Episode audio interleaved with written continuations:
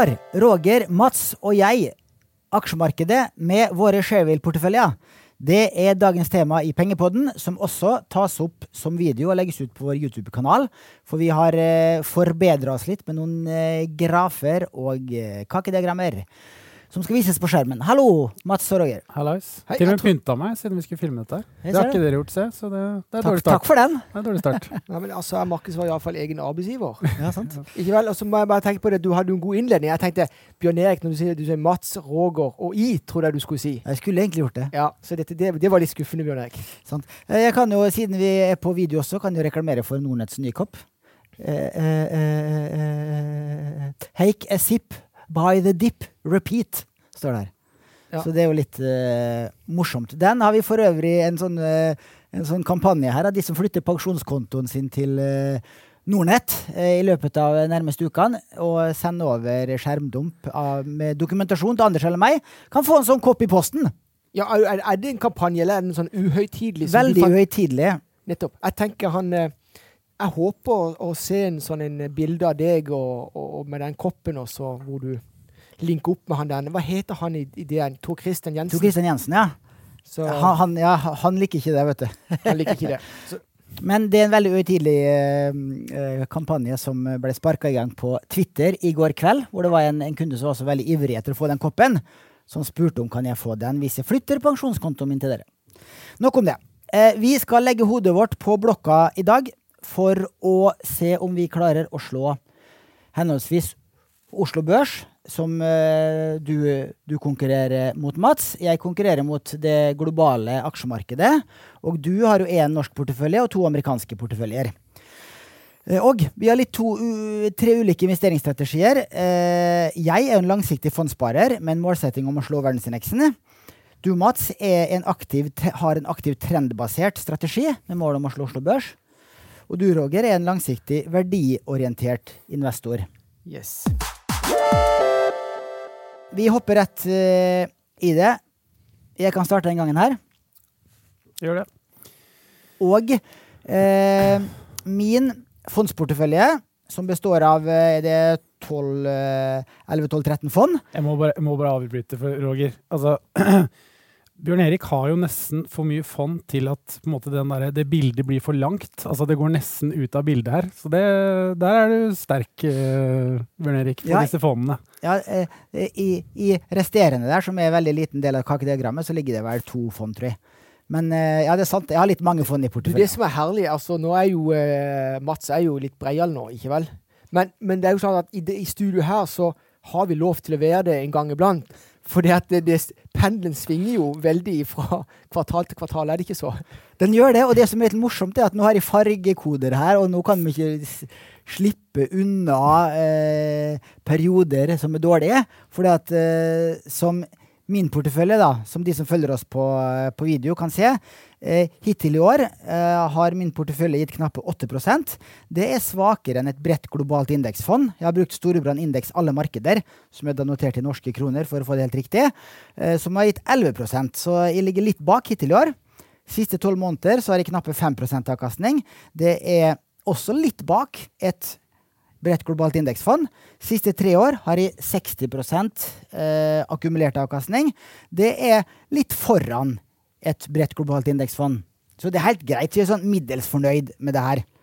Eh, jeg kan jo gå litt eh, ned og se hvilke fond som har gitt mer og mindre avkastning. Cirka halve porteføljen min består av globale indeksfond eh, fordelt på tre fond. Det er jo da Nordnett global eh, indeks ESG, som er den største posten i porteføljen, med i overkant av 20 Og så er det like mye i KLP, aksjeglobal indeks valutasikra. Jeg kan komme tilbake til det. Jeg switcha over og valutasikra eh, noen og 20% av fondsporteføljen min i fjor høst. Eh, så langt så ligger jeg omtrent i null på det veddemålet der. Og så har jeg også eh, eh, Nordnett indeksfond Emerging Markets, eh, som er da et tredje indeksfond for også å dekke fremvoksende markeder. Resten av porteføljen min er da en miks av aktive eh, sektorfond og aktive regionfond, altså to norske aksjefond som investerer i norske aksjer.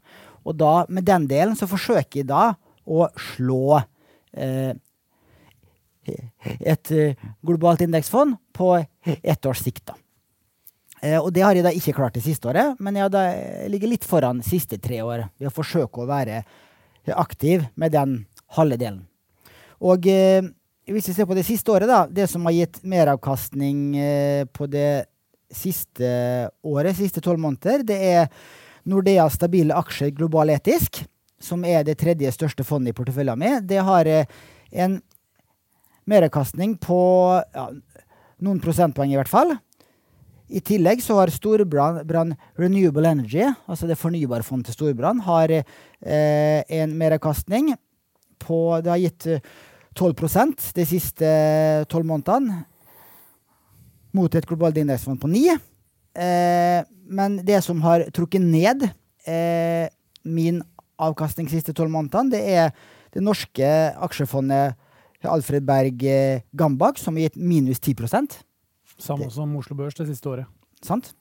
Eh, og den eh, Van Eck videogaming-ETF-en min, den har gitt minus 9 Og da, og da ser jo han selvfølgelig på meg. Så, men du vet, Bjørn Erik, vi har jo langsiktig tro på gamingsektoren. Vi har det. Ja. Og hvis du ser på Men jeg, jeg, jeg, bare grunnen til at jeg sier det, for vi må jo fleipe litt. Altså, Du kikker på meg når det går dårlig. For dette, antageligvis ønsker du å skylde på at jeg fikk deg inn i dette her med galskapen. Ja, men det er også fordi at mine barn, i likhet med dine barn, Ja. eh, spiller, bruker all sin ledige tid når de får lov Ja. til å spille disse videogaming, og faktisk legge litt penger der også. Mm. Men så langt i år så har jo eh, disse hack-aksjene, inklusive eh, videogaming-aksjene, eh, fått et bra comeback. Så den eh, videogaming-ETF-en er opp 20% year to date. Mm. Eh, litt mer om, om valutasikring, for det får jeg mange spørsmål om om dagen. Mm. Og som vi skal se på Roger sin portefølje, da viser vi også Unnskyld. Da viser vi også eh, valutakursene. Eh, og da ser du jo at norske kroner har jo svekka seg veldig eh, det siste året, ikke minst. Og eh, nå de siste månedene også. Men eh, jeg tok det valutaveddemålet i september. Og da sto dollarkursen omtrent på dagens nivå. Sånn eh, eh, 10,3 var dollar norske kroner da. Og så har den vært oppe i 10,8. Altså at, at krona svekka seg ytterligere. Da vurderte jeg om vi skulle ø, ø, øke valutasikringsgraden i porteføljen min, men jeg turte ikke. Jeg var ikke rask nok heller. Jeg har en tanke om at hvis dollaren går opp i 11 kroner, da skal jeg øke valutasikringa mi til 50 av porteføljen. Mm. Og, og, og den enkleste måten å gjøre det på, er bare å ø, bytte ut det globale indeksfondet mitt med et valutasikra globalt indeksfond. Um. Det som er viktig, da altså, La det være sagt at det, første som slår meg eh, altså det, det, det, er jo, det er jo flere an, måter vi kan angripe eh, spørsmålet om du skal valutasikre en, eh, en, en fond eller ikke. Eh, for hvis du ser jo som i lange løp, så har det jo alltid vært litt sånn Du bruker begrepet støtpute ofte. altså at Når det går dårlig i, i verden, og for oss nordmenn som har utenlandsk aksje, så har dollaren en tendens til å styrke seg. Um, og det, er jo som, det blir en sånn en støtpute for uh, kursbevegelse. Gratis Men- hedge der. I gratis hedge, men, men så får du den i fleisen når ting normaliserer seg. Nå er det jo for ditt vedkommende så går det vel litt på at nå er krona for svak, tenker du. Uh, I alle fall, og, og, og, og, du er jo som redd for å være med på, på den korreksjonen i valutamarkedet, eh, og prøve å time det på et vis. Men det som slår meg da, det, det er jo Vi hadde jo besøk av, av eh, Arne Fredli. Uh, om det er et par år siden nå. I, Et år siden, akkurat. år siden, akkurat ja. Og, og ha- han la jo fram til at når han bestemte seg for å gå inn i en aksje Han var opptatt av det å kjenne et selskaps verdi. Altså. Og, og, og da deler han gjerne opp i to-tre porsjoner. Så hvis, hvis det er noe som er attraktivt, så tar du en liten steik. Blir det enda mer attraktivt, så eh, tar du en ny steik i det, ikke vel? Og det var vel det du òg egentlig signaliserte, Ja. at 11, 11 kroner Vi vet ikke. Men, men det er iallfall å ha metodikk der, tror jeg. Er, Ja, er, er det viktige? Og du har jo vært litt sånn påfugl på de tingene der tidligere òg, Bjørn Erik. I form av Du hadde vel et veddemål med noe binding av rente òg, hadde du ikke det? For noen år siden? Jo, i Så hvert fall liksom- jeg stått frem i media. Ja, du har begynt litt tidlig på, på mange måter å, å ta disse veddemålene. Og så kanskje over tid så har det funka. Det fastrenteveddemålet er vel bra i spill nå, vil jeg tro. Det har uh, Så det gått kan jo være at liksom eh, på litt sikt Ja. så blir det bra, da. Du sant, må tåle litt smerte for å være early mover, men så, så kommer det til å ordne seg. Ja, Vært. Men, men, eh, men det, det med fredelighetsutpenger, det er at du må vite verdien på Mm. selskapet. Det er ikke så lett å vite hva, hva er riktig kronekurs. Sant? Ja? For at kronekursen har ikke et sånn naturlig eh, Det er ikke lett å regne seg frem til riktig verdi på en norske kroner i dag. du kan jo bruke et historisk snitt som er mellom 8-9 kroner, Sant, tror jeg. Og så var den jo kanskje litt manipulert, i klammetegn, mitt favorittuttrykk, Roger, eh, under finanskrisen annet. For da var vel dollar mot norske om det var 5,5 kroner eller noe. Jeg husker jeg var i New York i 2008. Da tror jeg det var omtrent 5,5 kroner. Det var jo helt ny, var, nydelig å gå tror rundt vi, og så, shoppe. jeg tror vi så firetallet faktisk på det verste. Ja, det kan Men, godt men det er bare helt marginalt. Men ja. Ja. Neida, Men rundt det- fem, og da var den jo Ja. ekstremt svak, da. Men si at et normalnivå siste 30 åra har vært mellom 8 og 9 kroner. Da. Men in the end, altså det er jo tillitsbasert system. Når vi driver og bytter varer over landegrenser, så, så tilliten til, til krona eh, ja, Er den varig svekka eller ikke? Det er akkurat det. Og derfor så er jeg ikke så eh, skråsikker i, i det veddemålet her med valutasikring. Men det som er planen min, hvis den kommer ned på 9,01 hvis eh, kronekursen mot dollar noen gang kommer ned på 9,01, så vil de switche over og sitte med en portefølje som ikke har valutasikring. Fordi nettopp eh, hovedrådet mitt, og også de fleste andre serier, er å sitte med åpen valutaeksponering når du sitter med internasjonale aksjer, internasjonale aksjefond, fordi valutakursen, det at du er eksponert mot valutasvingninger, har en gunstig risikodempende effekt. Men, men til syvende og sist så er det jo den lærdommen fra Arne Fredli.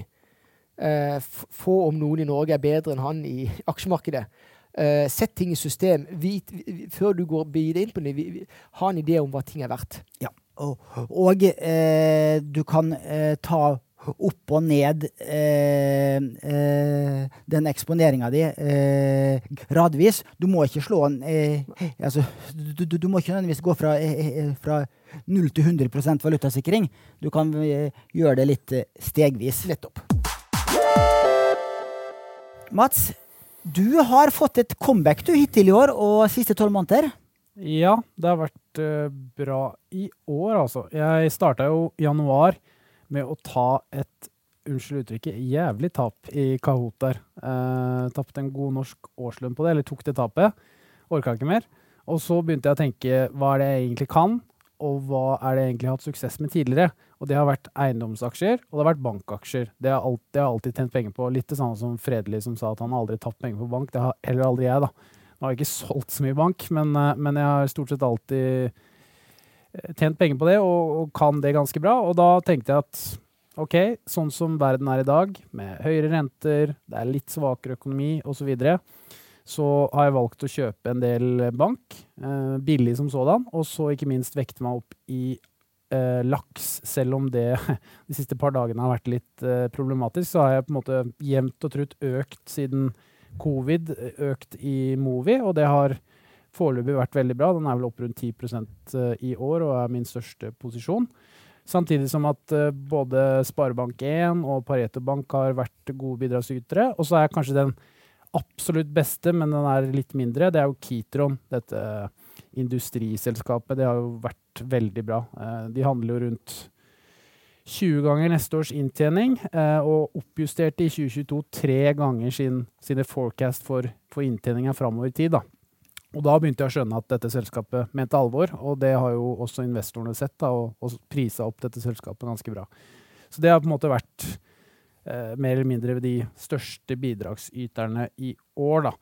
Eh, så totalt sett så er jeg pluss da, selv eh, i år i forhold til det tapet som jeg måtte ta i, i Kahoot, så det har vært bra. Og så får vi jo se framover nå, da, hvis eh, det skulle bli resesjon, og hvis det skulle bli litt mer eh, problematisk i verdensøkonomien, så vil jo kanskje banken også få en hit på det. Men går ting sånn som de gjør nå, i Norge spesielt, tikker og går, boligprisene er ned, ja, men ikke så voldsomt, og ja, folk har jobb osv., så, videre, så tror jeg bankeksponering skal være ganske bra. Men da er det viktig å skille mellom hvilke banker, da. Da velger jeg jo mer nisjebanker mot altså type sparebanker osv., som er litt safere enn type DNB, som har mye næringsutlån, mye bedriftsutlån osv., mens disse sparebankene har mye boliglån osv. Og, så og det er gjerne prioritet blant eh, forbrukere å beholde boligen sin framfor alt mulig annet. Og således litt sikrere da enn kanskje type Nisje, DNB. Nisjebank, er det ikke det som har vært litt sånn fyordet i uh, de siste ukene? Du er ikke litt redd for uh jo, altså, du må skille på nisjebanker òg. Jeg har ikke noen sånne tech-banker. Eh, Men Pareto Bank er jo nisjebank. Det er nisjebank. Sånn, det er en de har masse næringseiendom i porteføljen sin. Eh, nei, det har de ikke. De har, de har boligprosjekter, type eplehageutbygginger, altså type eh, rekkehus og okay, sånne så det er ikke, ting. Det er ikke rene næringslån? Okay. Nei, nei. Men uansett, dette er eplehageprosjektene også. Så har de ship financing og så, såkalt bridge financing, altså at de finansierer arbeidskapital. Altså, det er en bank som har utvikla seg gjennom egentlig ganske mange år nå og vært flinke, betaler godt utbytte, er prisa under bokførte verdier og har en avkastning på egenkapitalen på rundt 12% og betaler nå på 4-55 kroner 7 utbytte.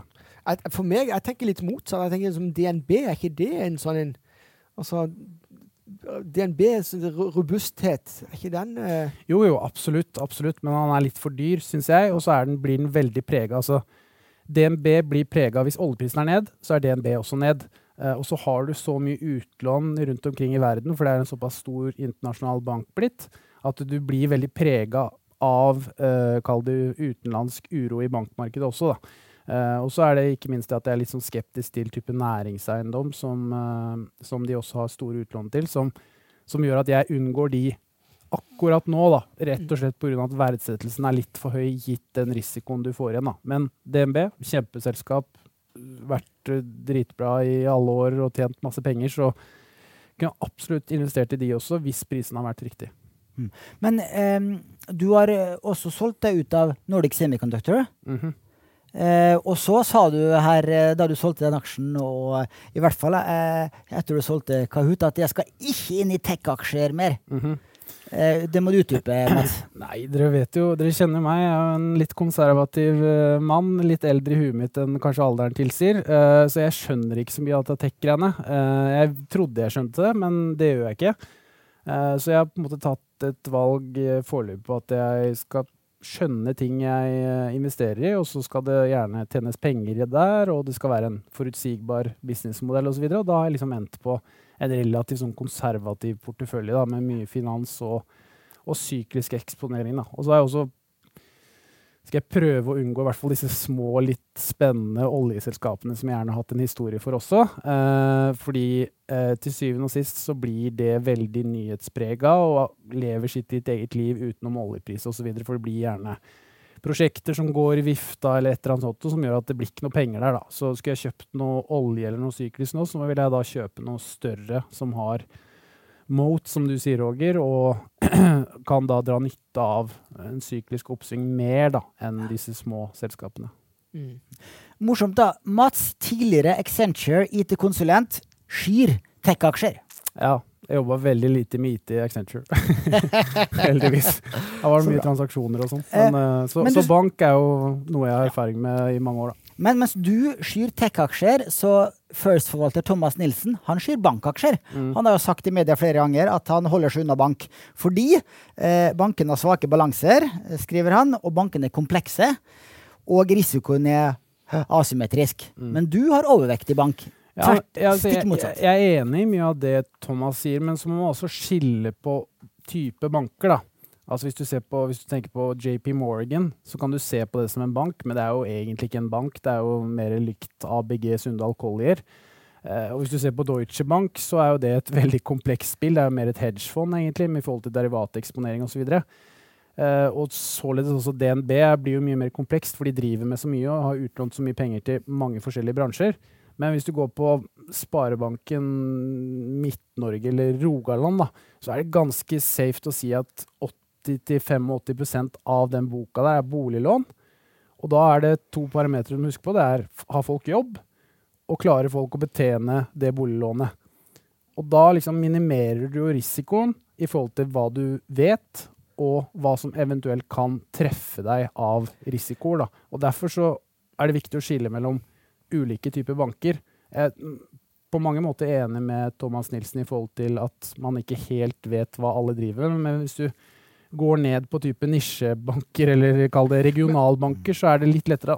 Men jeg har jo lyst til å liksom, nå, nå tror jeg det er mange i ABG som syns det var veldig gøy å bli sammenlignet med JP Morgan, men eh, det er gapet mellom JP Morgan, som er en av verdens største finansinstitusjoner, ja, som nylig har gått inn i konsumermarkedet òg, altså hvor de skal få vekstimpulser til ABG. For ABG er jo en rein, altså en oppriktig rein nisjebank. Så, så eh, jeg, jeg er bare Jeg stusser òg på jeg stusser, Det jeg stusser på når Thomas Nilsen, som er superflink kar, en som er vanvittig gøy å ha i studio her, eh, kunnskapsrips, så syns bare sånn, timinga er veldig rar. At, at det, det ene er jo det at nå er det bankuro, og så skal du som få fram at det er skyr banker. Men in the end så er bank samla sett det er en proxy på verdensøkonomien.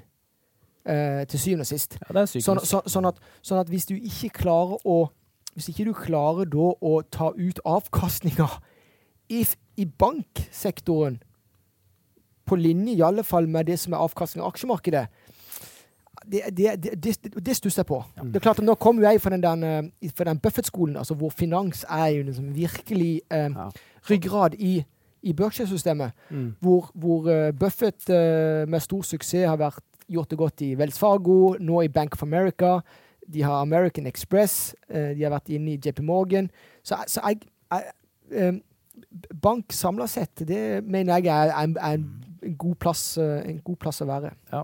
Bare et innspill til det JP Morgan ABG. Det var det nærmeste jeg Ja. kom på i farten. Men jeg er helt enig, det er stor, stor forskjell både på kvalitet og, og, og omfang, ikke minst. Og så er det jo veldig eh, stor eh, som som, eh, Lørdagens Dagens Næringsliv så var jo Arne Fredli på forsiden, hvor han sa at eh, amerikanske og europeiske banker, spesielt europeiske, har vært katastrofalt dårlige. Og i den artikkelen så var det jo en graf, en, eh, en eh, eh, avkastningsgraf fra Sparebanken Markets, vel, som hadde laga en oversikt over avkastninga i norske sparebanker eh, og eh, DNB og Oslo Børs, eh, svenske banker, verdensindeksen, amerikanske banker, europeiske banker. I den rekkefølgen har da avkastninga vært siste 10 år og siste 20 år. Da har norske sparebanker gitt rundt 15% analysert avkastning både siste 10 og siste 20 år. Eh, DNB nesten like bra. Eh, Oslo Børs har gitt eh, 12% analysert avkastning i snitt. Eh, verdensindeksen i amerikanske dollar er et knappe 10% analysert avkastning. Eh, amerikanske banker har bare gitt 2-3% analysert avkastning eh, siste eh, 20 år. Siste 10 år har det gitt å, 8 analysert. Men europeiske banker, gutta, siste 20 år har gitt 1 analysert avkastning. Men- og siste 10 år 2% analysert avkastning. Det er ikke inflasjon engang. Nei, men der kommer også kjernen, tror jeg, da. I forhold til Hvis du tenker på norske banker, så må man da også tenke på det norske boligmarkedet. Og så må du tenke på den norske folkesjelen. At det du blir opplært til, og hvis du skal ha suksess i Norge, da, således, det er at du får deg en jobb, gjerne i staten, og så får du din første bolig. Ikke sant? Og så skal du holde på den boligen, og så skal du kanskje trade den opp fra en 50 kvadder til en 80 kvadder, osv. osv. Og når du har et sånt innprinta system i Norge, så vil jo også bankene være veldig på eh, tilbudssiden i forhold til å gi ut boliglån. da. Mens i Europa så er det ikke så interessant å eie en bolig. Mange leier, mange bruker penger på andre ting. Mange har ikke råd til å kjøpe øh, bolig i type storbyer, London osv. Det er jo helt utenkelig for de fleste med en, med en vanlig corporate eh, jobb.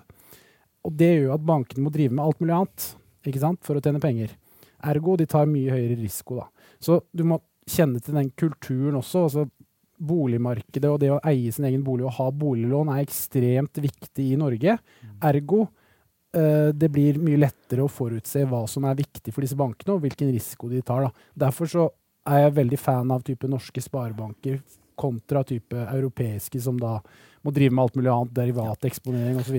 For det er stort sett boliglån. altså DNB for eksempel, har de, er du, har de hver fjerde boliglånskunde i Norge? Ja, noe sånt. er eh, Noe, jeg minst. ja, så dette, det er jo klart, jeg er helt enig. Det er jo det som er ryggraden i de Mm. norske bankene. Mm. Eh, og ikke minst sparebankene. Og, og boligprisene har vel òg Det har kanskje du oversikt over hva, har boligprisene gått til som de siste 10-20 Nei, det har gått kjempebra. Det er jo Ja. gått langt over inflasjonen. Mm. Ja. Eh, så og, så, og da der er igjen, da bare for å spille inn det, der igjen så kan du eh, dra deg ned hvis du har regionalbanker, Midt-Norge, Nord-Norge osv., så, videre, så er boligprisen steget, men jevnt og trutt. Så det har ikke vært helt krise i forhold til renteeksponering osv. Så, videre, så lånebelastningen for de som bor utenfor Oslo, da, er mindre.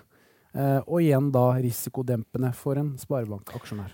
Definitivt. Men eh, altså, eh, eh, bare for å eh, understreke det, da. Fredelig sitt poeng var at norske banker spesielt er veldig godt drevet. Lav risiko har gitt høy eh, og god avkastning i de siste 10-20 siste årene, og han tror også det skal fortsette. Han er jo stor eh, eier av norske sparebanker, vært eh, stor i Pareto Bank. Eh, og, og, og, og, han gjorde også et poeng ut av at Svein Støle er jo da er også en stor eier i norske sparebanker. Han kjøper ikke de selskapene som Pareto kommer på børs med. Han sitter eh, stille i disse trauste sparebankene. Og eh, litt sammen med Harald Espedal, som vi har hatt i studio her før. Mm.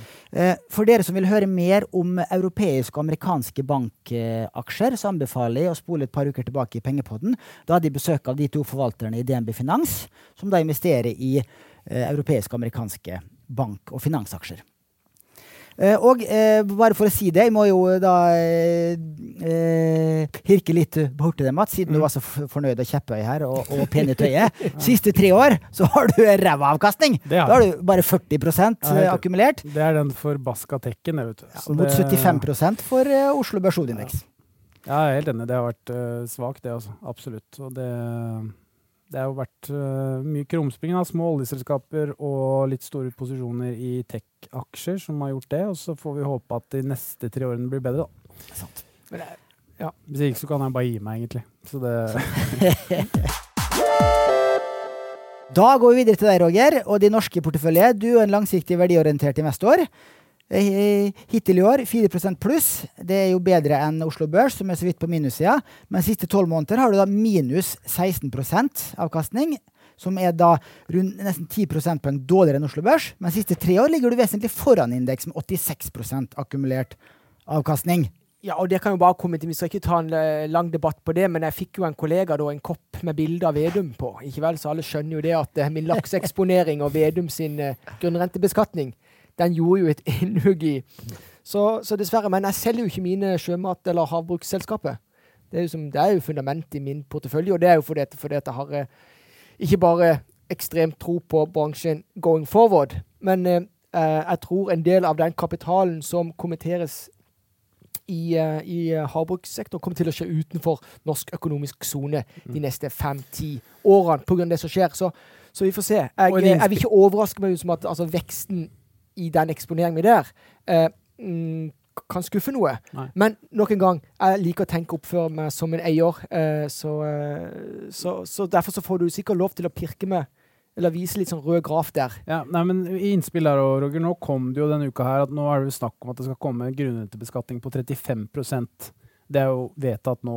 Stans sto de Ikke to- vedtatt, eller, men eh, regjeringa har foreslått det, og så Ja. skal de ha flertall i Stortinget. Ja. eh, han eh, Jonas Støre der, og så han Vedum, uh, sto og surra med det. Eh, og det er jo ned fra tidligere 40% som var foreslått.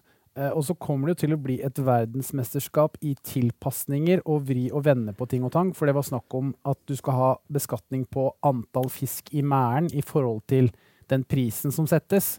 Og man men, kan men jo tilpasse seg osv. Så, så det vil jo Mats, bli en Mats. føljetong over mange mange Mats, år, det greiene her. Beklager, både vi tre har datt dette ut av dette nå, med det ene tjo og hei og det ene og det andre. De som lytter på, har datt ut. Til syvende og sist så er det det at kapitalen flyter der det er best å få avkastning. Ja, men det, jeg det er det jeg sier, jeg at det kommer til å bli at, et eh, surr i mange år framover. At, at den, den smolten kommer til å vokse i andre regioner på kloden. Uh, og hovedgrunnen til det er jo det at Movi, verdens største havbruksselskap eller oppdretter av atlantisk laks, eh, de har en fot på, på hvert av de områdene hvor det faktisk er logisk å, å drive oppdrett. Og der er skattesatsen alltid fra 15 20 til 30-35 mm. Så det, it's a no-brainer. Men det tar tid, og det syns jeg er litt sånn skuffende. For det er jo en næring som vi har tro på, mange har tro på, eh, som kanskje skal liksom, ta over stafettpinnen etter oljenæringa i sin tid. Og så må vi òg bare eh, skyte inn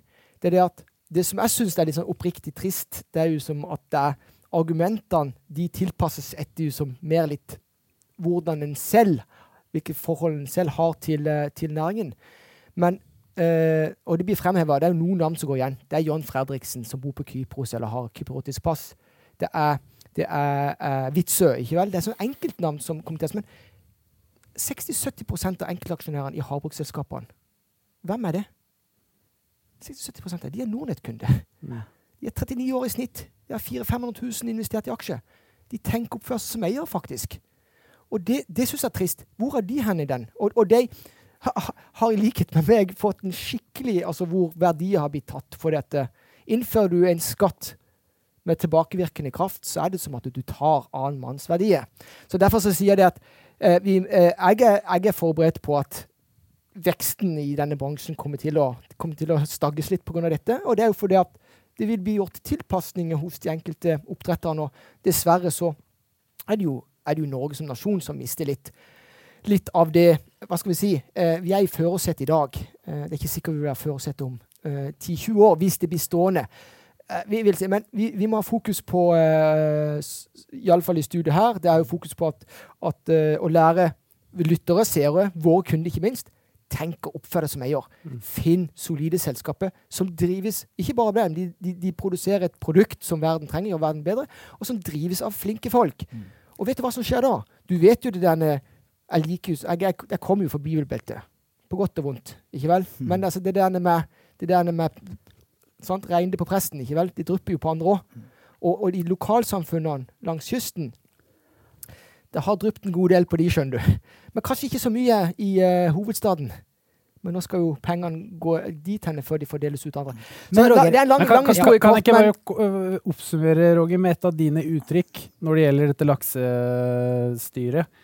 Kapitalen finner alltid sine veier ja, til mål. Han gjør det. Ja. Han gjør det. Bra. Men Roger, du har Movi som nest største posisjon, og ja. så har du jo flere andre laksaksjer. Eh, blir du sittende med de med samme vekting eh, når det her skjer? Det blir vedtatt om satsen blir 35 40 eller 30 det vet man ikke ennå, det får vi se. Men blir du sittende med de fordi at de vil vokse videre, men da kanskje i større grad utenfor Norge, eller vil du vekte de ned fordi at du tror utsiktene er dårligere? Mitt svar for å gjøre det veldig enkelt til jeg dør for det har ikke dukket opp noe altså det som går på det operasjonelle, altså hvordan de drives. Hvilken etterspørsel det er etter. Husk, dette her er jo, til syvende og sist så er jo havbruksnæringa en distributør. Vi er en distributør i finansbransjen. Vi har faktisk brakt kostnadsnivået ned til det minimale i finansbransjen. Derfor så har vi 1,7 millioner kunder sant, som kan ta del i denne verdiskapen på kloden.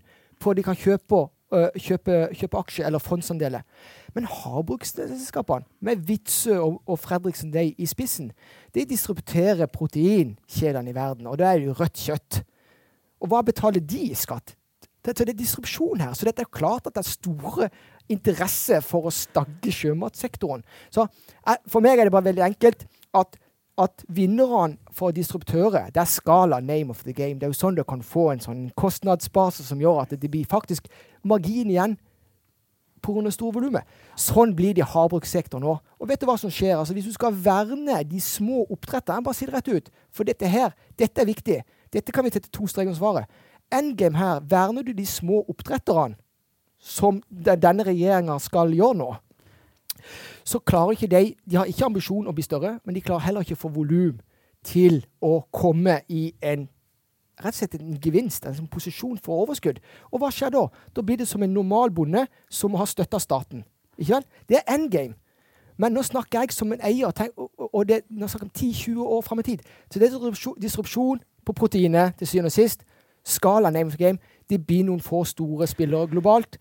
Og, og, og grunnen til at jeg kan være såpass brutal på det, for det, er ikke noe unikt med havbruk. Det er som i alle sektorer hvor det er distrupsjon på, på og da er det mange mange skjærer sjøen på veien, da, vel å merke. Men eh, tenk oppfør som jeg gjør. Det er jo som mitt mantra. Og bare for å presisere, det er det med at de regjeringa vil verne de små, det er jo da at du har et 70 bunnfradrag på 70 millioner i overskudd før du betaler grunnrenteskatt. Greit. Men eh, før vi går videre til den amerikanske porteføljen Nei, vi må ikke vi må, du, du, du, altså, du ser på det. Telenors største posisjon. Ja, det var det jeg skulle si! det er jo helt det er, er, det, er, det, er det katastrofe, eller Ja, er det Hva er det, Roger? Nå har jo Telenor gått eh, som ei kule i år, med opp 30% men det er jo ikke akkurat et, et Warren Buffett det, det vokser jo ikke noe særlig, Telenor. men jeg måtte jo jeg, jeg, jeg, Nå husker jeg ikke, jeg kan, kan det være et år siden?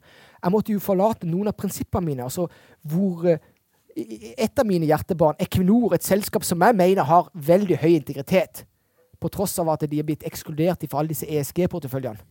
Eh, jeg skal ikke snakke mer om det, men den gikk jo, tok jo helt av med Equinor pga. gassprisene gikk til himmels. Og, og til syvende og sist med disse oljeselskapene, så er de òg en proxy, proxy på verdensøkonomien. Så frem til ikke de gjør noen, noen styre, store funn, så må prisen på råvaren balansere med at den stabil, eller inflasjon eller vekst i, i verden. Så, øh, så i den prosessen der kom jo Telenor inn, og Equinor forsvant ut. Så det begynner faktisk å få litt utbytte av nå. ikke vel? Og Derfor så ser du at den tyter opp som største, som største posisjon. Men det er ikke noe sånn fra mitt ståsted det er jo ikke noe vekstimpulse i Telenor, men det er bare et bit til en veldig verdicase, et glemt case. Eh, selskapet, for å prøve å skape et bilde på det, det er jo selskap som har trukket som troppene sine hjem til Norge og Norden etter å ha prøvd seg i India og rundt om i verden. Både med, med, med, med hell og med mindre hell. Så, så vi får se. Det er jo litt, sånn, det er litt spesielt, og jeg er, helt, jeg er jo litt enig i at det er litt spesielt at den er tatt opp som største posisjon i norske aksjer. Så, det litt, men det var jo litt morsomt, da. Men når bytter du eh, ut Telenor med Equinor igjen, Roger? Sant? Så det du ser, Equinor har jo nå kommet ned i øh, Han har kommet ned under 300 igjen. Uh, og så, så det er klart at vi, vi, vi hadde vel det var under pandemien brøt ut, så var vel Equinor ned i 100 kroner. Da var det jo som Alle trodde at verden skulle rakne. Men du kan ikke rakne uh, Hvis verden rakner, selvfølgelig rakner alt, men til syvende og sist så er jo de store spillerne Jeg liker som de store spillerne i, i, sine, i sine industrier. Equinor er en av de. Eh, så, fremt ikke verden rakner, så kommer jo de tilbake igjen, ikke vel? Så eh, vi, vi får se hvordan pennen svinger, svinger men, men eh, ikke bli overraska over at Equinor kommer tilbake igjen i, i min norske portefølje. Men nå har vi brukt lang tid. Da er vi på eh, amerikanske porteføljer di. Du har to amerikanske porteføljer. Den ene heter US Megatrends. Og den har eh, slått indeksen både hittil i år, med faktisk 43 avkastning, eh, også siste tolv måneder, og siste tre år. Eh, for de som følger oss på video, så eh, Den grafen dere ser på Shareville, også på Nordnett, eh, hvis dere bruker Nasdaq som referanseindeks, så er jo det i lokal valuta, altså i amerikanske dollar. Og siste tolv måneder så har Nasdaq-indeksen falt med 20% Men hvis du skal sammenligne med din portefølje, som er da verdsatt i norske kroner, som også Roger sin er, så må du regne om eh, Nasdaq-indeksen i norske kroner. Og det har vi gjort i den tabellen der. Så siste tolv måneder så har da Nasdaq eh, falt med rundt 20% men siden krona har, har svekka seg med 20% så har Nasdaq i norske kroner gjort en eh, ligget på nullavkastning. Og det er en viktig presisering. Og eh, når man sammenligner med internasjonale indekser på Nordnett og på Shareville, at de er i eh, lokal valuta. Eh, verdensindeksen, også i amerikanske dollar, eh, hvis du bruker den How Jones World Index på Nordnett. Så det er det en del som blir lurt av. Men uansett, selv om du legger på 20 eh, avkastning, så ligger du foran Nasdaq-indeksen på den porteføljen. Eh, og også year to date og eh, siste tre år. Nå starter du opp i januar Ja. 2021, så jeg har korrigert for det også. Ja, så det er nesten to år, ja. ja. Ja, litt over var- to år. Men i alle fall så, så er det sånn at hvis vi skulle uh, gjøre lang historie kort uh, Når vi snakker om meg, jeg liker å tenke i, i selskapet som, som har litt Ikke bare vind i seilene, men altså de har et unikt produkt. Hvilke selskaper er det du har i porteføljen? Ja, så Nvidia er jo på topp, uh, så, så det er jo en største posisjon. Men for de som Og så har du Advanced uh, Micro Devices, Ja. Microsoft, Activision Blizzard, Blizzard. Take Two Interactive. Ja, sant. Vi har litt gaming, og vi har, eh, vi har eh, Nvidia AMD. Jeg vet ikke, hvis Noen husker tilbake, det er jo mange år altså, hvor de hadde nesten sånn verdensherredømme. Eh, Det var Intel i sin tid. Altså Uansett hva du skulle utvikle av, eh, av nye produkter som gjorde verden til et bedre sted, så måtte du innom Intel. Eh, de har jo blitt disruptert igjen. Ja, Sånn som alle til syvende og sist blir, da. Men det tok jo mange tiår. Da er det jo Nvidia. Så, så uansett hvordan du skal, skal du gjøre verden til et bedre sted i dag Når, når jeg bruker det begrepet 'gjøre verden til et bedre sted', så er det jo det det handler om. Sant? Verdiskapinga skjer i disse bedriftene som lager produkter som gjør at faktisk alle får tilgang eller mer penger ut til meg fordi at de får billige produkter. Men i, alle fall, i dag er det Nvidia. Så, så, så Nvidia er jo et, et selskap som, eh, ja, som, eh, som, er som er egentlig involvert i alt det som skjer av uh, nyvinninger. Og derfor så klarer de seg relativt bra i disse dager òg. Begynner å bli et stort selskap, eh, vel å merke. Og de falt jo òg. Dette er jo selskapet Vi må jo uh, poengtere det at rentens effekt uh, på aksjekurset er jo ekstrem. Og når renta nå gikk ifra null for litt over et år siden, og nå er jo, eh, nå er jo toårsrenta i USA er over på 4 Det gjør jo noe med eh, verdien eller prisene på de. Så, så Nvidia falt jo òg veldig mye på relativt kort tid for ikke lenge siden. Men nå har jo de nå har teppet lagt seg. Visibiliteten hva angår rente, har òg blitt mye større. Kanskje rentetoppen er nådd. Og det ser du at disse herne vinnerne, de som har robuste produkter som er etterspurt, de begynner å komme tilbake igjen. Og Nvidia er etter mitt skjønn en av de, eh, en av de selskapene. Så, vi, eh, så den har jo kommet opp nokså mye eh, i, i siste, siste året. Du har jo fått den strikken som du, du snakka om fredelig i stad. Uh, du har jo fått den strikken i år, da. Mm. Uh, det falt jo kraftig på Nasdaqen i fjor, var vel ned en rundt 30 40, og- var det over ja, 40% Ja, kanskje Mm. på, som helhet. Og flere av disse aksjene falt jo noe av det samme, og kanskje mer. Mens i år har du fått den strikken opp, da.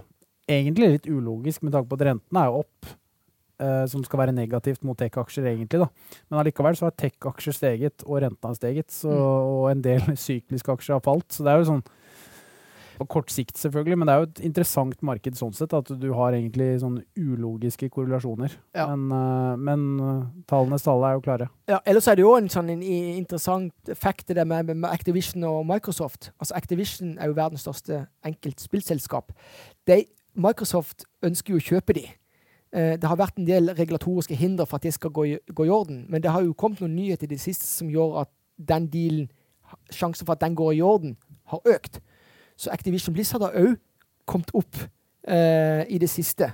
Selv om den står litt sånn han står litt sånn i sjakk pga. Uh, utfallet med oppkjøp, om det går i orden eller ikke. Men derfor sier jeg at du starta jo ballet med å snakke om at gaming er ETF-en din. Eh, og der er vel eh, Activision Blizzard den største, Ja, stemmer det. ikke vel? Ja. Så, eh, men nå er det klart at, og da er spørsmålet mitt er jo det kommer Microsoft, som skal nå satse enormt mye penger på gamingsektoren, når kommer de inn i den der ETF-en? Det er jo kanskje en annen debatt, eh, men det var bare noe som slo meg her nå. også. Jeg ser For de som følger oss på video, så ser jeg at en year to date eh, Nasdaq-indeksen i amerikanske dollar den er feil, for den er hittil i år er, er Nasdaq opp rundt 15 okay. i amerikanske ja. dollar. Ja, Eh, så da beklager da- vi det. Ja, Så opp 20% i norske kroner ca. Ja. Så eh, bra. Og så går vi til den eh, andre amerikanske porteføljen din. Ja. Det er US Technology-porteføljen din. Ja. Og den er, har gått opp eh, 26% hittil i år. Det er voldsomt. Ja. Eh, og eh, det er jo da litt bedre enn eh, Nasdaq. Siste tolv måneder eh, minus sju. Det er svakere enn Ja. Nasdaq i norske kroner. Og, og da siden oppstart også litt svakere. Hvis jeg skal si det er ett selskap der som kanskje er litt eh, Som har overraska på den positive, så er det et selskap som heter Enphase Energy. Og det Mm. og det er jo fordi at eh, For de som ikke kjenner det, altså det De lager jo sånn inverter. Så når du, skulle, du solcellepanelet som er blitt virkelig i vinden, og, og kanskje det kom et solcellepanel på hvert hustak på, på kloden, til syvende sist, så, så har de produkter eh, som, som er dyre, da, vel å merke, men de er veldig effektive og gode. Eh, sånn at det er jo et, sånn et, et selskap som har virkelig vind i seilene. Men for de som er opptatt av multiple og den slags ting, så er jo det et selskap som òg virker veldig stivt priser. Eh, og, og det er jo som et selskap som er veldig nisjeorientert. Når vi snakker om Nvidia, så er ikke det nisjeorientert. det er et breddeselskap, og det er fordi de inngår i så mange produktkategorier. Og det samme gjelder jo Microsoft. Så det er jo veldig viktig å skille. Så, så av Nvidia, nei, av, eh, av de på toppen der, så er det Enphase Energy som, som jeg syns er et, et sånn spennende selskap. Uh, som eh, Ellers er det jo en, en kjensgjerning det at når du for mitt ståsted som, som lever ånde for denne Buffett-filosofien, at du bruker litt tid på å prøve å finne noen selskaper som har muligheten til å bli store og beholde posisjonen, så, så kommer jeg inn på det som er litt av den filosofien som Du er veldig glad i indeksfond. Mm. Og derfor indeksfond er nesten, altså er basically udødelige. Eh, sånn at jeg tillater at selskapene bare jeg, jeg, jeg får ikke høydeskrekk i selskapet. Men jeg får kun høydeskrekk hvis jeg ser at det dukker opp noe operasjonelt i det selskapet som gjør at de blir obsolete. Eller. Men, så, så derfor så vil, så vil sånne selskaper kunne bare gå opp og opp og opp. opp. Eh, Eller så må jeg jo bare skyte inn. Det er jo, jeg prøver jo å reklamere både for meg sjøl. jeg vet at du, Bjørn Erik, òg er en, en god lo lobbyfaktor for meg. Men jeg, min, min ambisjon Jeg forvalter jo eget mandat. I mange år når jeg var i nettfonds, det hadde vi dessverre ikke Nordnett. Eh, og det er jo det jeg jobber for. Å, å kunne få et eh, min, min drøm er jo å få et eh, globalt fond. Eh, aktivt fond som, som kanskje ligner litt på, på, på den Berkshire-porteføljen. Altså samme type eh, filosofi. Så, så i sånn måte så kan du jo slå sammen alle disse selskapene i én. Eh, sånn jeg tenker, da. Men jeg har bare prøvd å skille det litt i, i, eh, på Skjevel, sånn at folk kan, kan se For det er jo mange av våre Ja. nye kunder, eller unge kunder, som har mye eksponering mot, eh, mot eh, tech-sektoren i eh, USA, eller amerikanske aksjer. Men om jeg begynner, eh, får mitt Buffett-fond, det vil jo bare tida vise. Det har vært spennende. Jeg skal stille med første køa til å bli kunde der. Ja, herlig. Så vi skal jo, nå kommer jo konsernsjefen til Oslo i morgen, Lars Åke. Så da får vi skal ut og spise med han i morgen kveld, så det blir hyggelig. Du får ikke mase for mye da, om det fondet ditt, Roger. Nei, og la det være sagt, for mitt vedkommende så uh, Jeg er jo en tålmodig person. Du vet at hvis du planen er å bli over 100 år og holde på med dette til du dør Et år til eller fra er jo ikke noe sånn big deal, er det det? Sant? Men hvis du skal bli over 100 år, så må du gå i Mats sin skole når det gjelder spise sunt og trene riktig. For du kan jo ikke trene. Du gikk jo av med en senebetennelse her i et par måneder. Ja, det er sant. Det er, jeg er enig i det. Der har jeg en, Det er work in progress, det også. en, en jobb å gjøre. Så bra. Men da tror jeg vi runder av vi med, med det. Så tusen takk til alle som hørte og så på, og så høres vi igjen om en uke. Penger, penger, penger. Penger, penger, penger. Penger, penger, penger, penger.